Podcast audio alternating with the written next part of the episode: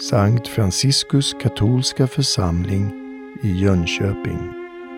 För flera år sedan så vi satt och talade vid bordet i klostret och jag beklagade mig över, jag hade gått till barberaren och jag tyckte det var så dyrt. Jag sa, jag som har så få hårstrån på huvudet och det kostade nästan 200 kronor då, det tyckte jag var alldeles för dyrt.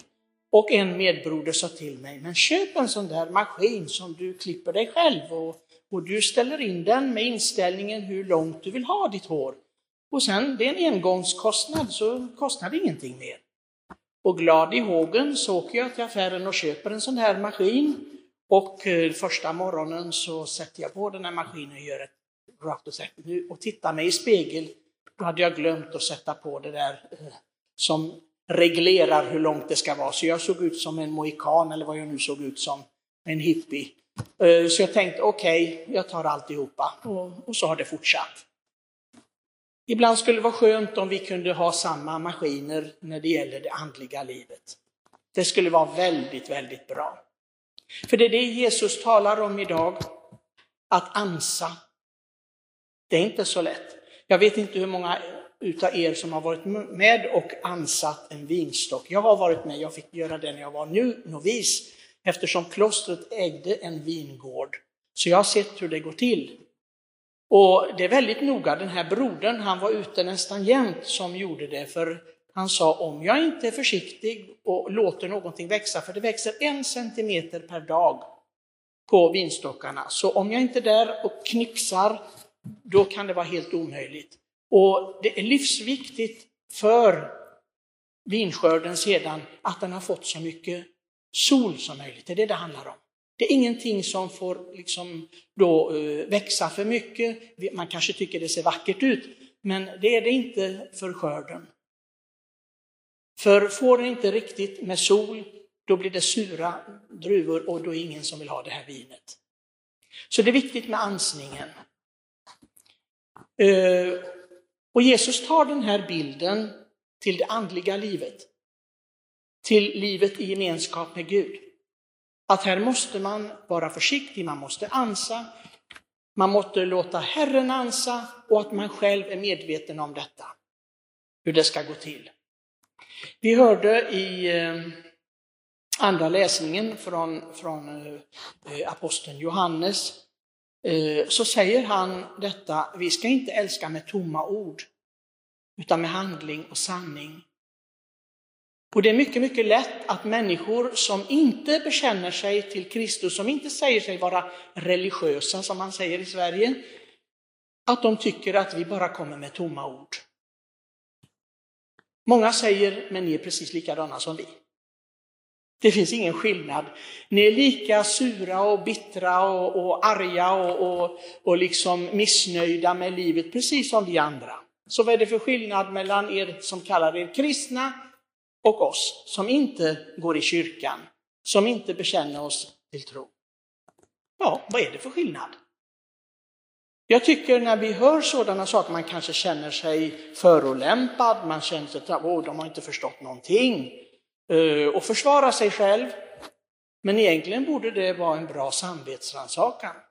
Vad är det för skillnad mellan mig, mitt liv, och den där ute som inte går i kyrkan, som inte bekänner sig till Kristus? Vad är det för skillnad?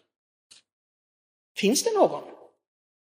Är jag verkligen annorlunda? Låter jag Gud ansa mig att klippa bort och ta bort ur mitt liv sådant. Det gör han oftast med lidanden och bakslag i livet.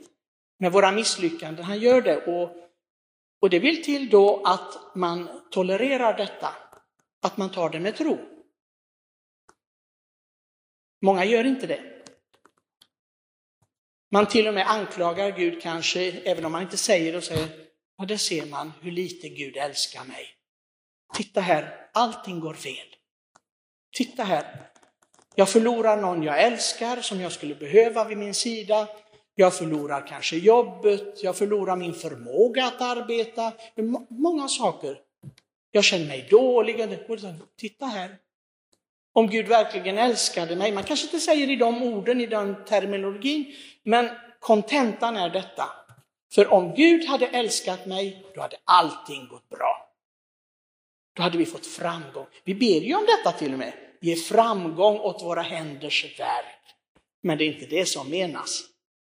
Inte på det viset. För Bibelns ord talar om framgång i en gemenskap med Gud när jag är anpassad efter det som Gud vill. Och det, det säger ju aposteln Johannes senare. Och detta är hans bud. Vi håller hans bud och gör det som behagar honom. Lever vi ett sådant liv att vi alltid behagar Gud? Det kanske så vore bra att ha en lapp. Ibland säger jag man ska skriva lappar och sätta på kylskåpet eller på garderobsdörren på morgonen så man ser den. Det skulle bli väldigt många lappar, det förstår jag ju. Men, men ibland kanske de behövs.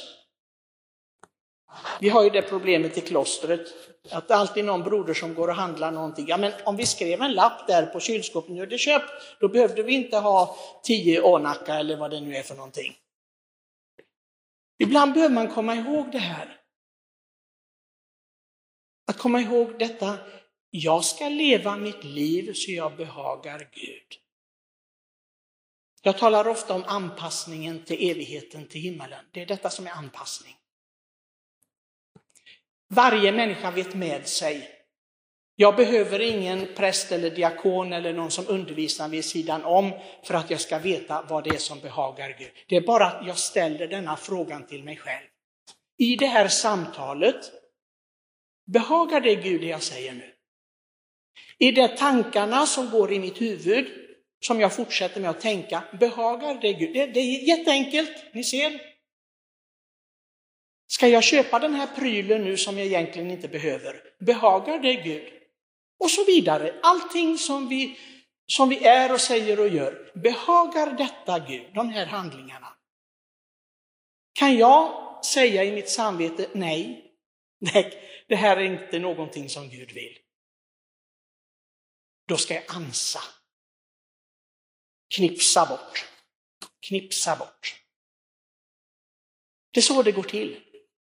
Det andliga livet går till på det viset. Det är detta som är gudstjänst. Det är den sanna gudstjänsten. Vi har gudstjänsten i kyrkan, ja.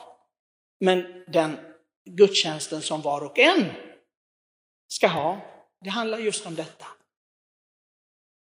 Att offra det som inte passar in. Det är ett tufft jobb. Och man måste ha mod. Många har inte det. Ibland så förstår jag när människor biktar sig och så, de säger Ja, men om jag förändrade detta plötsligt, vad skulle de andra säga? De kommer att skratta åt mig. Vad händer det nu? Vadå, har du, har, har du blivit något helgon nu eller? Vill du göra dig till? Varför gör du inte, varför säger du inte, varför pratar du inte som, som förut? Så det vill till att vara, ha mod. Även apostlarna fick gå igenom detta. De fick leva ett helt nytt liv med Herren. Och det är det det handlar om. Att hela tiden ha mod att börja om på nytt. Och att se till att det inte finns saker som förhindrar denna sanna gemenskapen med Herren.